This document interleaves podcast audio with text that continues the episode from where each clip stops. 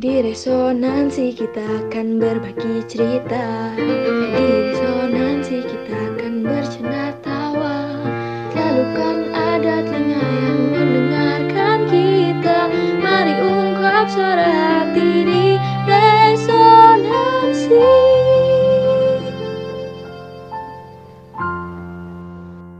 Balik lagi Balik bareng lagi kita-kita bareng kita-kita di, di resonansi cerita, Cerita satukan kita. Eh, kompakan ya. Dan banget nih, kita semangat banget bro. Ya, iya. Apa kabarnya sobat resonansi di luar sana? Semoga selalu sehat ya. Semoga sehat-sehat. Dan eh, apa pun yang dikerjakan ya Pet ya.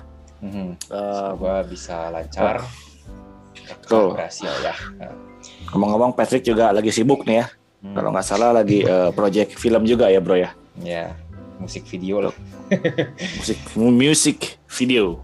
Nah tanpa berlama-lama lagi sobat resonansi kita akan recap eh, salah satu film masih di genre yang sama yaitu superhero dan untuk menghadirkan gitu ya bro ya tandingan dari yang kemarin jadi Hmm. superhero-nya masih eh, perempuan gitu Perempuan, perempuan. yes. Nah ternyata perempuan ini zaman sekarang ini kuat-kuat bro strong strong mungkin Hmm. bahannya itu nggak nggak terbuat dari bahan kaleng-kaleng gitu ya plastik ini terbuatnya dari eh, baja Hmm. baja kuat gitu loh bro Hmm.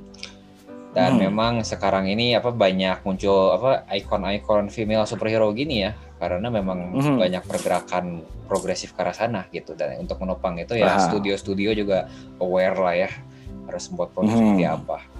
Maka kita sekarang bahas soal Captain Marvel. Gimana Pak recapnya? Hmm.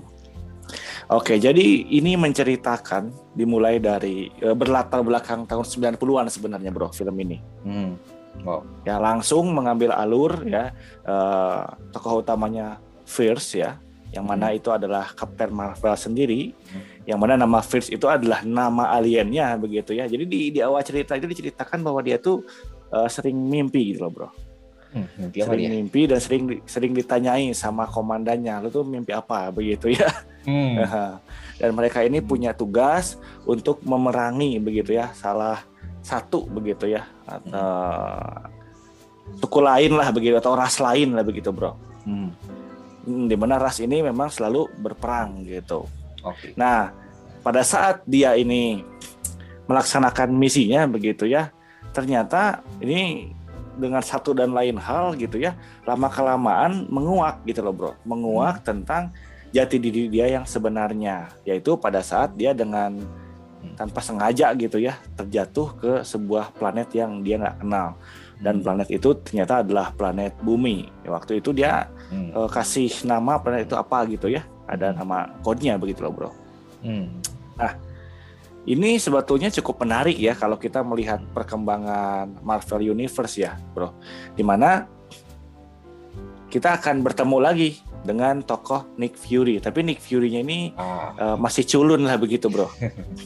see, Nah dalam dalam proses di mana si Fierce ini menyelesaikan misinya, eh, sangat menariknya itu pada saat ternyata dia itu makin lama makin tahu tentang asal usulnya bahwa ternyata Hmm. apa yang diceritakan oleh komandannya itu salah begitu.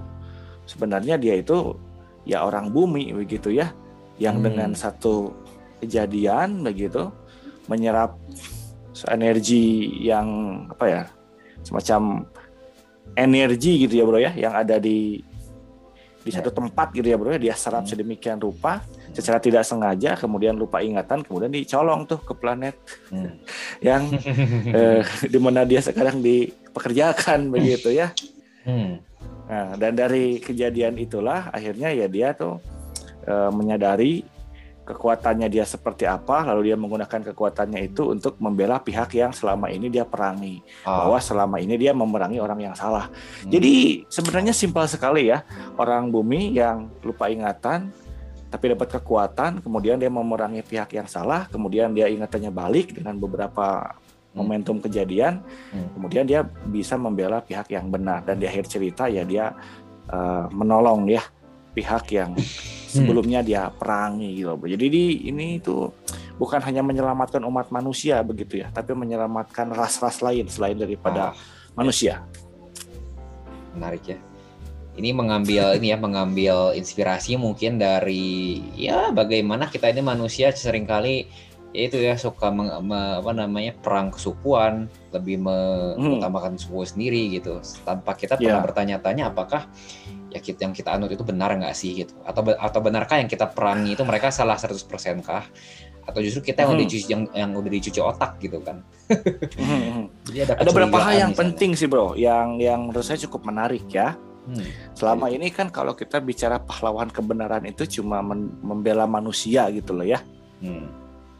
cuma membela planet bumi. Jadi melalui eh, film ini tuh ada ternyata ada banyak ras lain lah gitu. Ternyata bukan kepentingan itu bukan hanya kepentingan manusia gitu, tapi kepentingan seluruh makhluk di alam semesta gitu. Oke. Jadi kalau Superman ya alien bela manusia, kalau ini manusia bela alien mungkin gitu ya.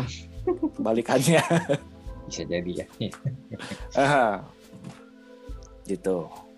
Nah, kita akan mulai eh, diskusi nih, Bro. Kira-kira brother sendiri dari film ini nih.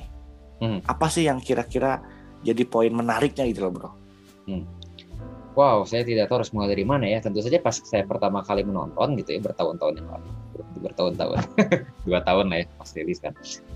Memang saya cukup terwow gitu kan, karena ada beberapa hal yang saya pikir ini cukup oke sih, terutama pertama-tama dari mana dia me- bisa mem, apa ya mem- memutarbalikkan ekspektasi saya gitu kan. Tentu saja saya tidak menyangka misalkan bahwa ya dia itu dicuci otak gitu bahwa yang seharusnya dia pikir awalnya teman gitu kan ternyata itu musuhnya gitu justru dia dimanipulasi sama kaumnya sendiri gitu kan untuk berpikir gitu ya untuk mindsetnya diubah bahwa justru ya itu si pihak lawan pihak si eh, si alien yang jadi lawan itu justru jahat gitu. Hanya karena apa pak? Hanya karena oh mereka punya kemampuan-kemampuan yang sering kali diasosiasikan dengan orang jahat. Misalnya apa? Mereka kan Hmm. bisa kamuflase itu ya ya. Bisa shift Hmm. shift ya. Mengi- Ya. mengikuti atau wajah gitu kan mengubah tubuhnya menjadi tubuh orang lain gitu bahkan Nick Fury aja Hmm. pernah jadi korban gitu kan. Ada alien yang Hmm. meng- mengassume tubuhnya si Nick Fury gitu. Jadi me- menyamar gitu kan. Memang itu kan eh, sifat-sifat yang biasanya dimiliki oleh iblis ya. Kalau kalau dibilang menyamar dan sebagainya gitu. Jadi kita sebagai Hmm. penonton tuh ngelihat tampang mereka yang jelek gitu yang alien gitu kan ya. Terus Hmm. kedua melihat kemampuan mereka seperti itu menipu dan sebagainya. Kita langsung mengasosiasikan mereka tuh negatif pasti jahat hitam putih gitu kan. Sementara memang kaum si Fierce itu yang sebetulnya alien juga sih planet lain kan. Tapi kaum si Fierce Hmm. memang man- mukanya manusia kalau boleh jujur gitu kan cuma kostumnya aja beda gitu. Lebih enak dipandang lah gitu ya, Bro ya. nah begitu. Jadi satu poin yang saya cukup ambil di sini memang ya kita manusia ya apa yang kita lebih familiar gitu kita lebih bisa berpihak pada mereka gitu. Tanpa Hmm. kita menyelidiki yang lebih jauh dari itu gitu. Niat mereka baik nggak gitu. Jadi agiannya ada hubungannya dengan don't judge a book by its cover gitu kita nggak bisa cepat me- apa namanya menyalahkan. Ya yang yang tampak awalnya tampak seperti musuh kita nggak boleh langsung mengasumsikan gitu loh. Kita bisa jadi salah. Karena kita benar atau Hmm. salah itu kan semuanya gabungan dari satu ingatan kita dalam Mhm. kasus si Captain Marvelnya kan dia ingatannya memang kebetulan dilumpuhkan gitu amnesia juga gitu kan. Mhm. jadi dia tidak bisa melihat clearly gitu secara objektif. Mhm. Ter- tergantung Mhm, juga dengan bagaimana kita dibesarkan dengan prinsip-prinsip yang kita eh, lalui gitu kan. Jadi ya kita harus berpikiran terbuka lah gitu saya pikir Captain Marvel Mhm. juga ketika pertama di- diperadapkan dengan fakta gitu ya bahwa ternyata kaum dia selama ini tuh memanipulasi dia itu jahat dia kan nggak nggak secepatnya kayak langsung percaya aja gitu dengan gampang oke gua mau berbalik haluan 190 derajat gitu dengan gampang enggak Mhm. dia melalui proses struggling juga gitu untuk menerima kenyataan itu dia perlu diyakinkan berkali-kali sama orang si A sama temennya yang orang kulit hitam itu kan perlu diyakinkan Hmm. juga oleh banyak orang gitu. Sampai dia melalui suatu proses emosional baru dia menerima kenyataan bahwa oke mulai sekarang gua mau berjuang untuk kaum yang satunya lagi. Kenapa? Karena memang mereka secara objektif itu yang patut dibela. Di sini mereka korbannya begitu. Kalau selama ini saya di jalur yang salah ya sudah gitu. Itu karena saya dimanipulasi kan. Tapi sekarang Hmm. pertanyaannya apa yang saya lakukan mulai dari sekarang? Nah itu. Mhm. Mhm. ya hero dalam kasus itu sih yang saya paling kena gitu ya. Jadi kalau bahasa simpelnya bahasa saya gitu ya, Bro ya. Mhm, Jangan terkecoh dengan rupa gitu kan. betul betul iya. benar juga itu Mm-mm, jadi memang rupa yang jelek itu tidak selamanya mencerminkan sikap dan attitude yang jelek juga gitu ya bro ya. Mm-mm. Lagi pula masalah jelek itu kan relatif ya benar nggak? betul betul relatif juga. Ya begitu. Jadi apalagi nih bro kira-kira yang itu kan sisi menarik nih ya dari Betul betul. dari dari film ini. Hmm. Ada sanggahan nggak kira-kira soal film ini? Satu hal yang ngebuat Patrick sebagai penonton rada kurang Kurang kurang struck gitu. pas gitu. Nah, ada nih dan memang bagus banget bahwa minggu lalu kita habis ngomongin Wonder Woman gitu ya karena memang banyak sekali pihak yang membandingkan filmnya dengan Wonder Woman in the sense bahwa yang keduanya untuk studio masing-masing gitu ya Wonder Woman untuk DC gitu kan dan yang Hmm. Marvel yang untuk Marvel ini merupakan masing-masing merupakan film pertama female led superhero pertama gitu di franchise mereka masing-masing gitu kan jadi mereka semacam kayak bertanding lah ya siapa yang lebih baik Hmm. gitu kan dan mayoritas orang lebih setuju bahwa Wonder Woman lebih baik sebetulnya. At least untuk yang Mhm. pertama gitu ya. Karena memang eh, dari segi Apakah faktor likability Gal Gadot? nggak salah juga mungkin ya. Memang Gal Gadot itu kan cantik asli gitu kan ya. Semua orang sepertinya bisa eh, setuju gitu. Ya tapi bukan berarti ini nggak cantik nantinya juga mungkin cantik artis cantik lah di make up apa. Tapi maksudnya gini, saya mau lihat dari sifatnya nih Pak. Kita bandingkan sifat Captain Marvel dari Wonder dengan Wonder Woman gitu dan kita akan bisa melihat Hmm. bagaimana banyak orang mikir Captain Marvel ini in a lot of ways sebetulnya nyebelin sifatnya sebetulnya. Nggak kayak Wonder Woman gitu. Kalau di Wonder Woman istilahnya gimana? Lebih realistis gitu. Menggambarkan sisi kemanusiaannya Wonder Woman lebih lebih banyak daripada si Captain Marvel. Meskipun sebetulnya ya kedua-duanya kan memang asingnya dari bumi ya. Kalau Wonder Woman kan memang nggak pernah nggak pernah ke dunia luar kan. Dia dia dia ter terlingkupi di dalam bubble Themyscira itu kan. Di antara Hmm. para setengah dewa setengah dewa. Nah Captain Marvel juga Hmm. sebetulnya asing dari bumi karena pengalamannya Ya. di bumi kan dia lupakan karena amnesianya itu yang dia ingat hanya Hmm. pengalaman di alien itu. Jadi ketika baik Wonder Woman maupun Captain Marvel itu pertama ke bumi, kita lihat pertama-tama bagaimana reaksi mereka menanggapi hal-hal di sekitarnya yang tentu saja harusnya kan mereka merespon secara tidak familiar gitu ya, agak blow on gitu kan ketika dia melihat Hmm. cara kerja bumi orang-orang seperti apa, ada teknologi seperti apa. Kudunya kan memang mereka bingung gitu kan, blow on, Hmm. ada ada sedikit peluang juga untuk komedi di sana sebetulnya ya. Seperti di Wonder Woman banyak sekali seperti itu bagaimana Wonder Woman untuk pertama kalinya melihat bayi ya. Udah gitu dia langsung secara sangat bersemangat dan sangat penuh ke- kelemah lembutan itu langsung nyamperin si bayi itu sambil ngomong ah a baby gitu kan dengan sangat menggemaskan gitu bagi audiens ya terus bagaimana si Steve di sana ngajarin dia ini itu? Pokoknya lucu banget. Blow on pisan dia Mm. polos gitu kan. Beda dengan Captain Marvel pak.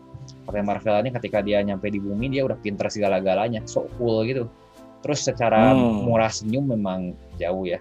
Captain Marvel ini kurang murah senyum gitu. Dia punya sikap arogansi ya kalau kita lihat ya sebetulnya seperti itu. Karena memang dia sangat-sangat powerful. Dibanding semua Avengers dia paling powerful saya jamin. Tapi bukan berarti dia harus apa ya harus sombong harus jadi jerk seperti itu gitu Aha, aha. jadi itu satu hal yang memang orang highlight gitu dan ini Hmm. memang ada faktor eksternal juga di mana aktris si Brie Larson itu juga dicap sebagai orang yang begitu kurang likable sebetulnya sebagai seorang apa selebriti atau so- sebagai personality Hmm. yang populer gitu ada sifat-sifat Hmm. arah sana dan dia seperti bawa ke karakter ini juga begitu jadi dari Hmm. segi relatability-nya memang kita Hmm. tidak bisa kurang apa ya kurang connect lah sama si ini gitu meskipun ada di Hmm. beberapa scene yang menarik gitu kan ya bisa-bisa aja Hmm. sih gitu saya pikir itu ya salah satu Hmm. minus karakter Captain Marvel sendiri itu tentunya masih bisa dikembangkan lagi supaya dia lebih likable gitu Mhm. Well sih kalau saya bro dari film ini ya ada sanggahan yang cukup besar itu soal overpower ya. Saya Hmm. suka film yang hero-nya itu over overpower begitu ya. Tapi overpowernya Captain Marvel itu terlalu instan ya. hmm. Jadi untuk untuk manusia menerima kekuatan super sedemikian rupa itu kan mestinya gimana? Satu belajar dulu mungkin ya. Hmm. Yang kedua rada kaget juga mungkin nggak bisa mengendalikan kan begitu ya. Hmm. Kalau di film itu seolah-olah nggak ada susah payah gitu bro. Beda halnya dengan Wonder Woman yang dia tuh anak dewa, dia nggak tahu bahwa dia tuh ya anak dewa gitu kan. Ya. dan dia itu dewa itu sendiri. Berarti kan kekuatannya itu sebetulnya udah dia bawa dari lahir, Hmm. ya kan? Hmm. Sebetulnya tubuhnya tuh udah udah menyesuaikan, tinggal bagaimana dia mengolah kan. Hmm. Apalagi dia itu ya seorang kesatria, prajurit ya kan. Hmm. Jadi bisa ngerti gitu loh kalau dia bisa lompat sana, lompat sini, banting sana, banting sini bisa ngerti gitu. Tapi kalau eh ya Captain Marvel ini gimana ya? Eh, pas dia terbangnya itu loh bro, ya. Hmm. dia terbang kan, bahkan terbangnya itu sampai keluar angkasa ya kan, Iya. dengan kostumnya itu. Nah itu saya tuh rada-rada ya sudahlah gitu, saya terima sebagai ya udahlah gitu. Hmm. Ya, jadi nggak ada nggak ada penjelasan itu mah ya kita sebagai penonton ya cuma bisa menerima ya.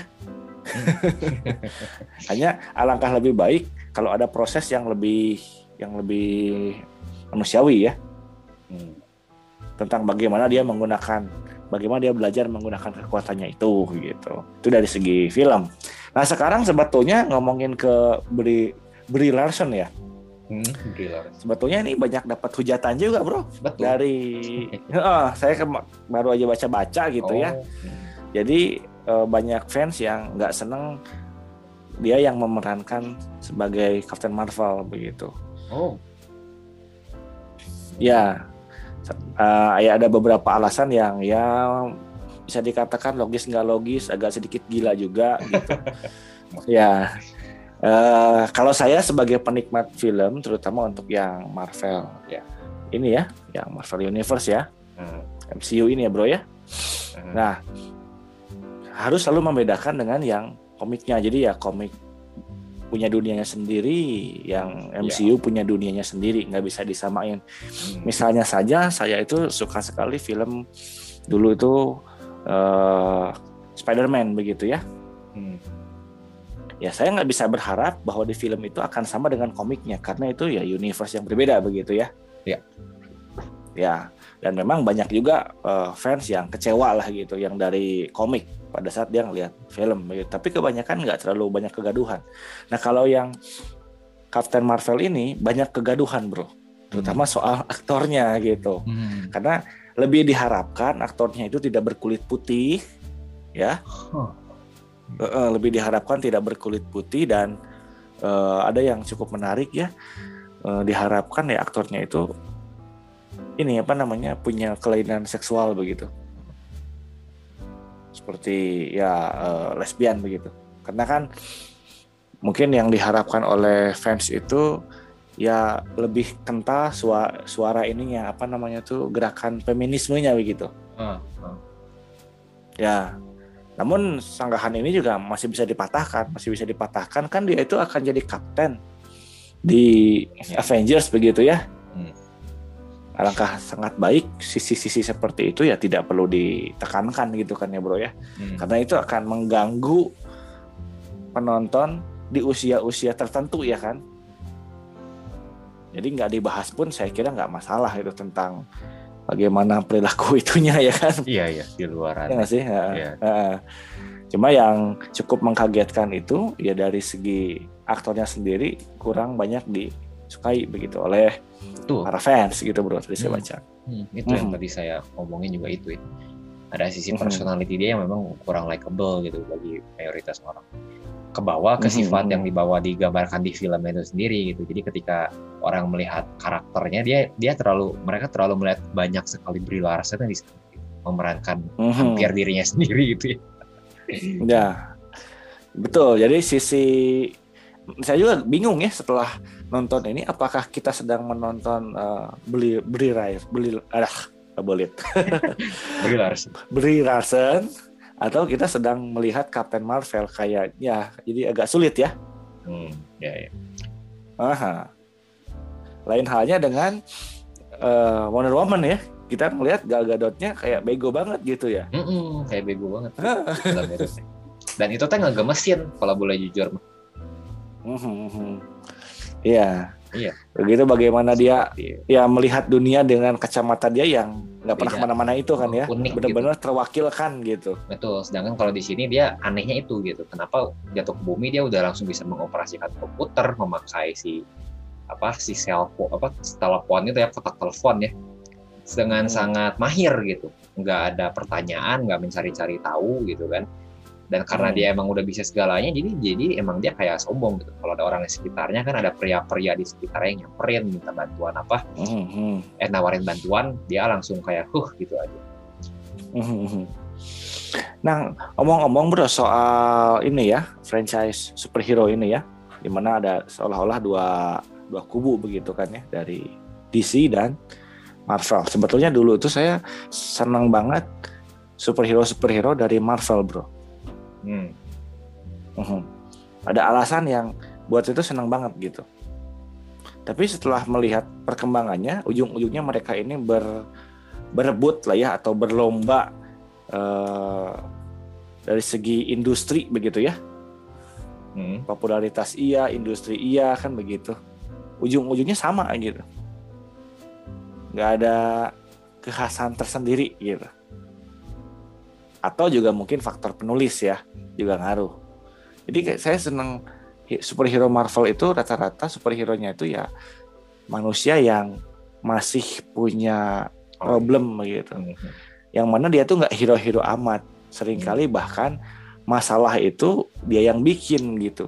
Dengan terpaksa ya dia harus bertanggung jawab menyelesaikan permasalahannya dia gitu. Balik lagi lah ke misalkan Iron Man. Iron Man kan nggak hero-hero banget. Hmm. Sebetulnya musuh-musuhnya itu ya gara-gara dia yang sombong, dia yang Betul. arogan, dia Ya. pernah memecat orang dengan sembrono kan begitu ya. Hmm. Jadi nggak hero-hero banget gitu. Nah itu ciri khas uh, superhero Marvel ya. Spider-Man juga gitu. betul betul Nah, kesalahan dia tapi sendiri. kalau kayak DC ya, Batman itu jelas suasana hi- hero-nya tuh kerasa gitu. Hmm. Dia sebagaimana dia menggunakan kekayaannya, teknologinya dan sedemikian rupa untuk memberantas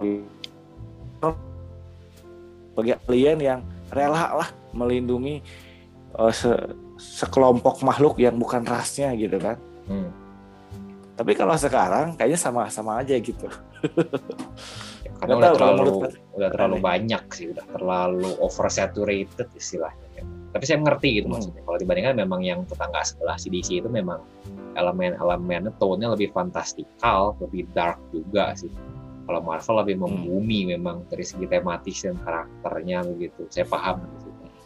Mhm. tapi memang sem- semakin ke sini ya Marvel pun ah, pastinya lama kelamaan ya mau serealistis apa pun akan juga masuk ke perangkap itu sih bagaimana nanti ke depannya dia mau buat multiverse gitu kan udah nggak bisa membumi lagi lah udah pasti sama fantastikalnya sama blockbusternya begitu karena memang Mhm. namanya ide kan harus semakin lama semakin luas ya kalau enggak kalau di situ-situ aja setelah sebanyak film ini film ya mereka takut mungkin merepetisi hal yang sama Mhm. jadi memang saya sih mengerti karena itu ya.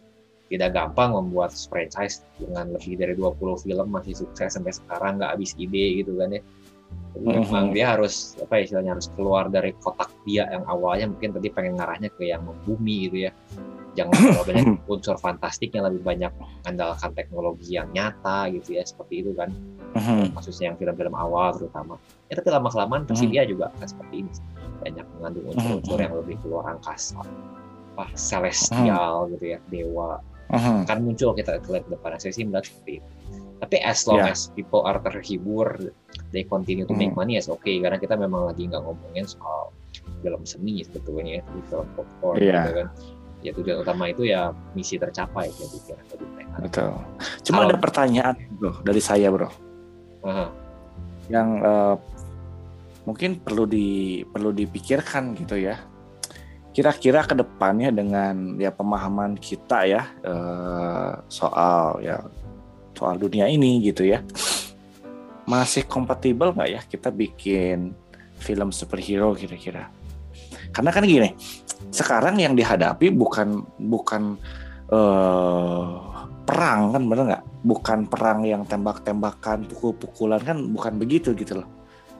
Yang dihadapi adalah krisis sumber daya, di mana orang itu ber- menggunakan berbagai macam cara supaya dia tuh punya sumber daya yang lebih banyak daripada yang lain. Kalau bisa mah ya penguasanya lah gitu. Hmm. dan cara-cara untuk mendapatkannya kan dengan jalur politik bro Iya, iya. bukan dengan jalur perang karena udah nggak mungkin karena ada ada aturan kenegaraan aturan Hmm. dunia yang Mhm. ya tidak mengizinkan aksi vigilante ya Iya, iya. kan kalau superhero tuh vigilante sebenarnya dia tuh Hmm. kebal hukum loh dia bisa melakukan apa pun Eh, bukan kebal hukum. Dia tidak di atas hukum. Tapi dia dia dia bertindak di luar hukum. Mungkin seperti itu. Dia ya dia membantu orang-orang tapi tidak dalam hukum. Dia di luar hukum. Berarti dia memang sebetulnya menghalalkan segala cara. Sebetulnya topik ini kan sudah dibahas di Civil War, betul ya. Bagaimana itu ada pihak yang mem- membela vigilante dalam justru Kapten Amerika ya mengejutkannya dia ingin berada di luar hukum gitu.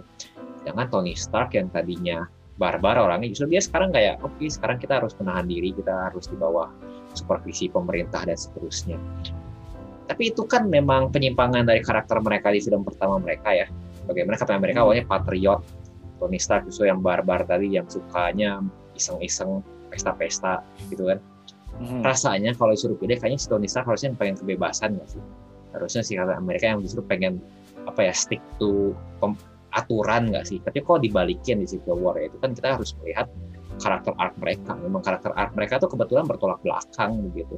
Ketika dia akhirnya Hmm. mencapai satu titik tabrakan gitu ya akhirnya terjadilah Civil War itu gitu. Bagaimana si Hmm. Tony yang tadinya terlalu bebas tebak apa yang terjadi sama dia hal buruk kan dia ditangkap gitu kan ya. Dia Hmm. mendapatkan banyak musuh gitu karena dia terlalu mengekspresikan kebebasannya dan bahkan dia Hmm. menjadi punya rasa bersalah juga begitu kan ketika Mhm. dia secara tidak sengaja menyelamatkan orang tapi selalu ada yang namanya casualty itu. Dia merasa bersalah dia menginternalisasi rasa bersalah itu sehingga dia pikir oh ya sudah sekarang waktunya kita diawasi gitu. Sehingga apa? Sehingga kita nggak harus merasa bertanggung jawab sendirian menanggung nyawa-nyawa yang kita tidak mampu selamatkan itu misalnya. Tapi sebaliknya Captain America justru karakternya sebaliknya. Awalnya dia orangnya taat aturan dia patriot prajurit begitu kan tapi kemudian di film yang kedua itu yang di Winter Soldier tebak apa justru institusi yang dia sangat percaya ternyata itu adalah mata-mata atau lebih tepatnya di, disusupi ya oleh mata-mata Hydra gitu. Jadi dia, dia, Hmm. bilang atasan pemerintah mau se, se, se, sekelihatan transparan apa pun ya tetap aja gitu. Kita hanya bisa prinsip kita sendiri, kebebasan kita sendiri gitu. Karena pemerintah mau se, sekelihatan transparan apa pun bisa aja seperti kasus yang dialami gitu. Jadi memang tergantung pengalaman pribadi ya gitu. Kita nggak bisa terlalu mengtampilkan dan itu yang memang yang spesial tentang universe ini menurut saya gitu. Dibandingkan Hmm. dengan tetangga gitu karena mereka belum pernah mengeksplor hal seperti ini seperti itu kan. Mhm. Jadi kalau bilang relevan, relevan karena film Civil War itu contohnya itu sangat politis menurut saya meskipun memang dibumbui dengan ya gelut peperangan ya kudu ada itu orang beli tiket Mhm. itu intinya. Tapi yang menarik ada tetap ada message politisnya berbicara tentang bagaimana kita harus mengelola ini tuh gitu ya hubungan antar negara, hubungan antara satu institusi dengan yang lainnya. Bahkan di Infinity War dan ya Infinity War terutama yang dibahas juga soal bagaimana menghadapi resource yang mulai punah gitu ada dua pandangan kan ada utilitarianisme yang membuat Hmm. Thanos menjadi Thanos gitu bagaimana eh, yang penting Ya. manfaat gitu kan prinsip manfaat oke gua gua hilangin setengah dunia ada sumber daya gitu tapi kan orang Hmm. juga pengen yang yang prinsip sebaliknya bukan utilitarianisme tapi justru mikir dari segi moralismenya gitu bagaimana kita Hmm. nggak bisa mengorbankan seseorang yang nggak bersalah gitu ya cuma untuk menyelamatkan Hmm. orang lainnya itu nggak diterima sama orang-orang Avengers gitu istilahnya Mhm. dan ya itu sih yang menarik ya dia membahas banyak hal filosofis kita yang bisa ngomong sampai subuh kalau mau gitu tapi tetap relevan Hmm. karena mereka membumbui tetap dengan subtext subtext itu gitu Mhm. Jadi sebetulnya sobat resonansi masih ada harapan lah ya kita untuk menggarap eh, film-film superhero begitu ya. Karena melalui film-film superhero itu eh, kita belajar tentang mengolah ya mengolah mengolah pikiran ya bro ya. Mengolah pikiran bagaimana menentukan keputusan begitu ya. Di tengah-tengah problematika yang ada gitu.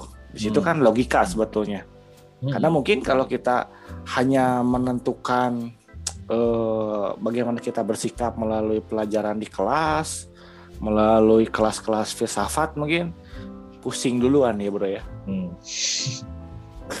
iya Karena jadi jadi manusia itu maksudnya perlu belajar melalui hiburan. iya iya Mhm. sambil sambil lah Sambil sambil ya. Oke, Pat, senang sekali kita bisa cerita-cerita nih soal. Sekali. Tapi Patrick mendukung nggak nih gerakan feminisme ngomong-ngomong Pat? Karena kan sekarang nih ya, memang buat buat saya secara pribadi ya dunia ini kayaknya dikuasai perempuan ya. untuk untuk Mereka- eh, hmm, tahun-tahun mereka, ini mereka jumlahnya memang lebih banyak juga kan di dunia ini. Mhm, Iya. Laki-laki lebih jarang sebetulnya. betul. Hanya di era-era sekarang ini era-era kebangkitannya banget gitu loh, Bro. Hmm. Hmm. Karena melalui film, melalui sastra, Ya. melalui seni betul-betul dibangkitkan ya. Nggak cuma feminisme, LGBT juga. Semua Mhm. semua yang berbau progresif, semua yang tadinya ditolak sekarang diterima. Gitu. Pokoknya apa pun yang dulu ditolak sekarang seperti diterima aja gitu. Kita akan mengarah ke arah sana. Hati-hati tapi apa yang kita ini ya, apa yang kita terima ya. Juga ada filter. Tapi kalau as feminisme sure gitu kan. Gue sangat Mhm. setuju karena ya ya istilahnya perempuan juga ya justru sama berbakatnya seperti laki-laki ya. Kalau tidak lebih bahkan gitu kan.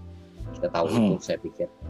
Dan itu keadilan sosial untuk perempuan itu memang memang perlu sih karena ya tidak adil juga ya perlakuan dulu itu itu patriarki yang sebetulnya sudah ketinggalan zaman gitu kan sekarang Betul. era yang membutuhkan solusi-solusi yang lebih kompleks itu juga butuh pikiran-pikiran yang lebih banyak dan beragam saya pikir dan perempuan bisa menyediakan itu gitu feminisme mewadahi itu saya mhm. Betul.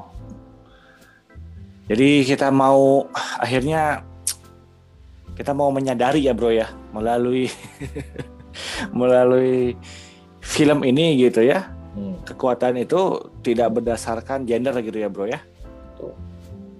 justru memang di sini kan ada ini juga ada alegori ya bagaimana perempuan itu selama ini sering dikekang, sering disurprise oleh laki-laki. Kalau di KPM Marvelnya kan ya dia tadinya kan ini ya istilah terperangkap ya.